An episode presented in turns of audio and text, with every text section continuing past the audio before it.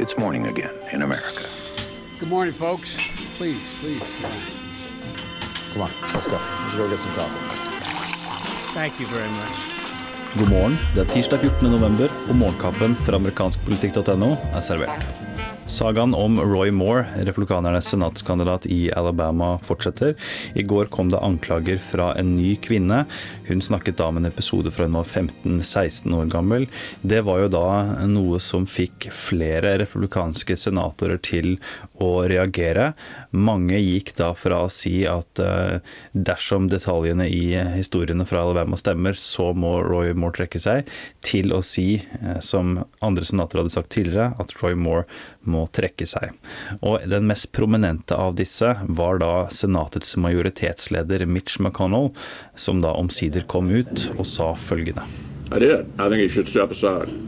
Are you encouraging a write-in campaign with Senator Strange?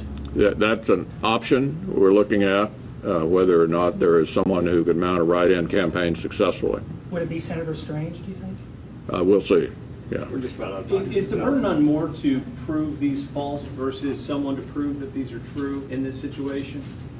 Or do you believe these allegations to be true? I believe the women, yes. Det som fulgte, var en strøm av dårlige nyheter for Moore-kampanjen.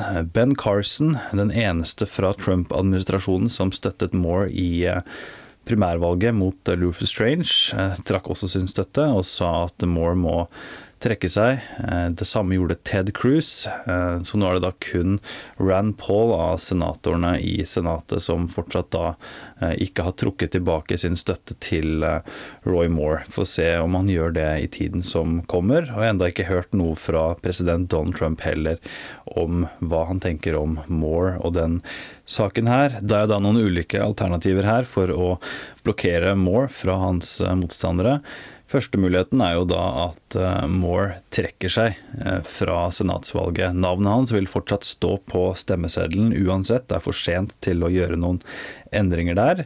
Eh, men så kan også da republikanske partiet i Alabama trekke nominasjonen hans tilbake. Det vil si at selv om han skulle vinne valget, så vil han ikke bli erklært vinneren. Og så er det en annen mulighet at Senatet fjerner ham dersom han skulle vinne valget. Det er en mulighet. Da må jo da Mitch McConnell få med flere av sine partifeller eh, på å skulle gjøre det. Det er ikke noe som har skjedd siden borgerkrigen. Um, og så er det tredje, tredje alternativ det er at man får en annen person i en såkalt write-in-kampanje i Alabama.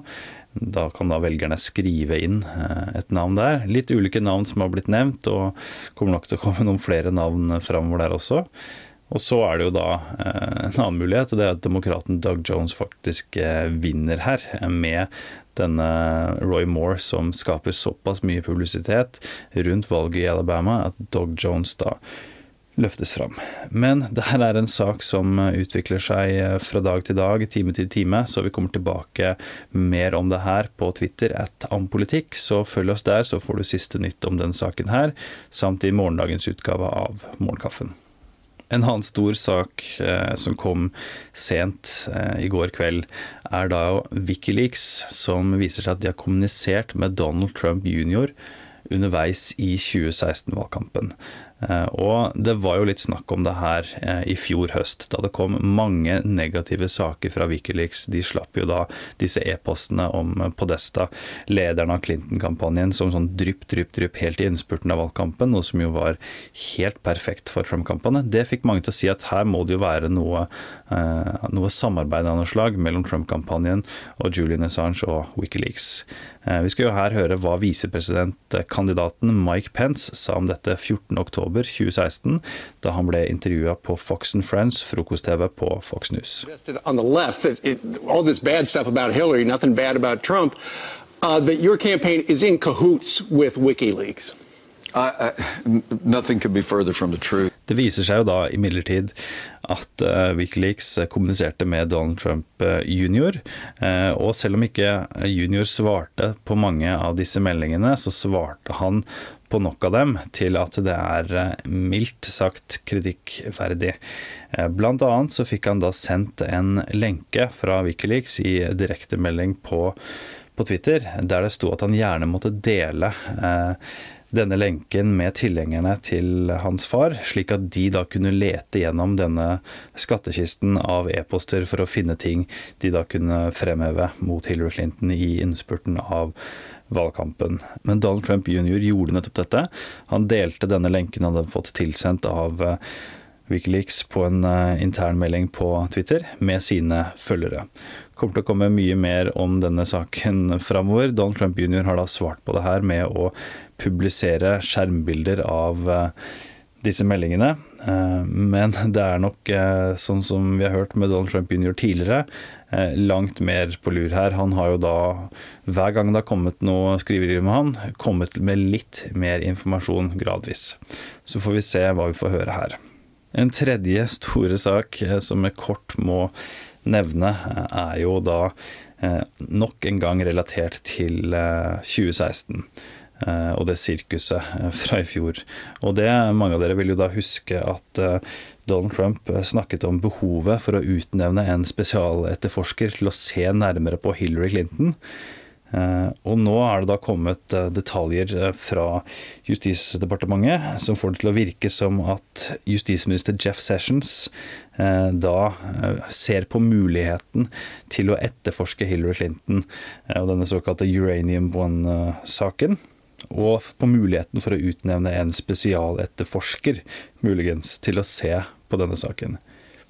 Og det vil jo være helt uh, utrolig dersom eh, det her faktisk skulle bli noe av. Noen har jo da påpekt her at det, denne nyheten kom da kort tid etter dette om Wikileaks og Don Trump jr. Dermed omtalt det som en sånn tåkemaskin fra republikanernes uh, side for å få fokuset over på dette. Men så gjenstår det også her, som jeg har sagt før, å se hva som er neste steg i denne saken. Om det her kun er noe som blir sluppet ut for at Sessions skal ha litt flere muligheter å spille på.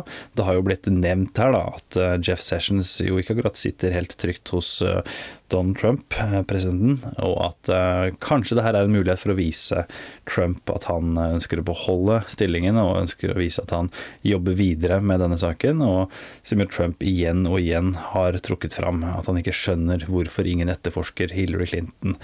Uh, selv om det nå begynner å bli en stund siden Donald Trump vant dette presidentvalget, og siden han da ble president. Så nok en gang, følg oss på Ampolitikk på Twitter, eller at Are Flaten. For for mer om denne saken og for om utviklingen i disse sakene fortløpende framover. Dagens utgave av Morgenkaffen er iallfall servert av Martin Totland og undertegnede Are Togelflaten.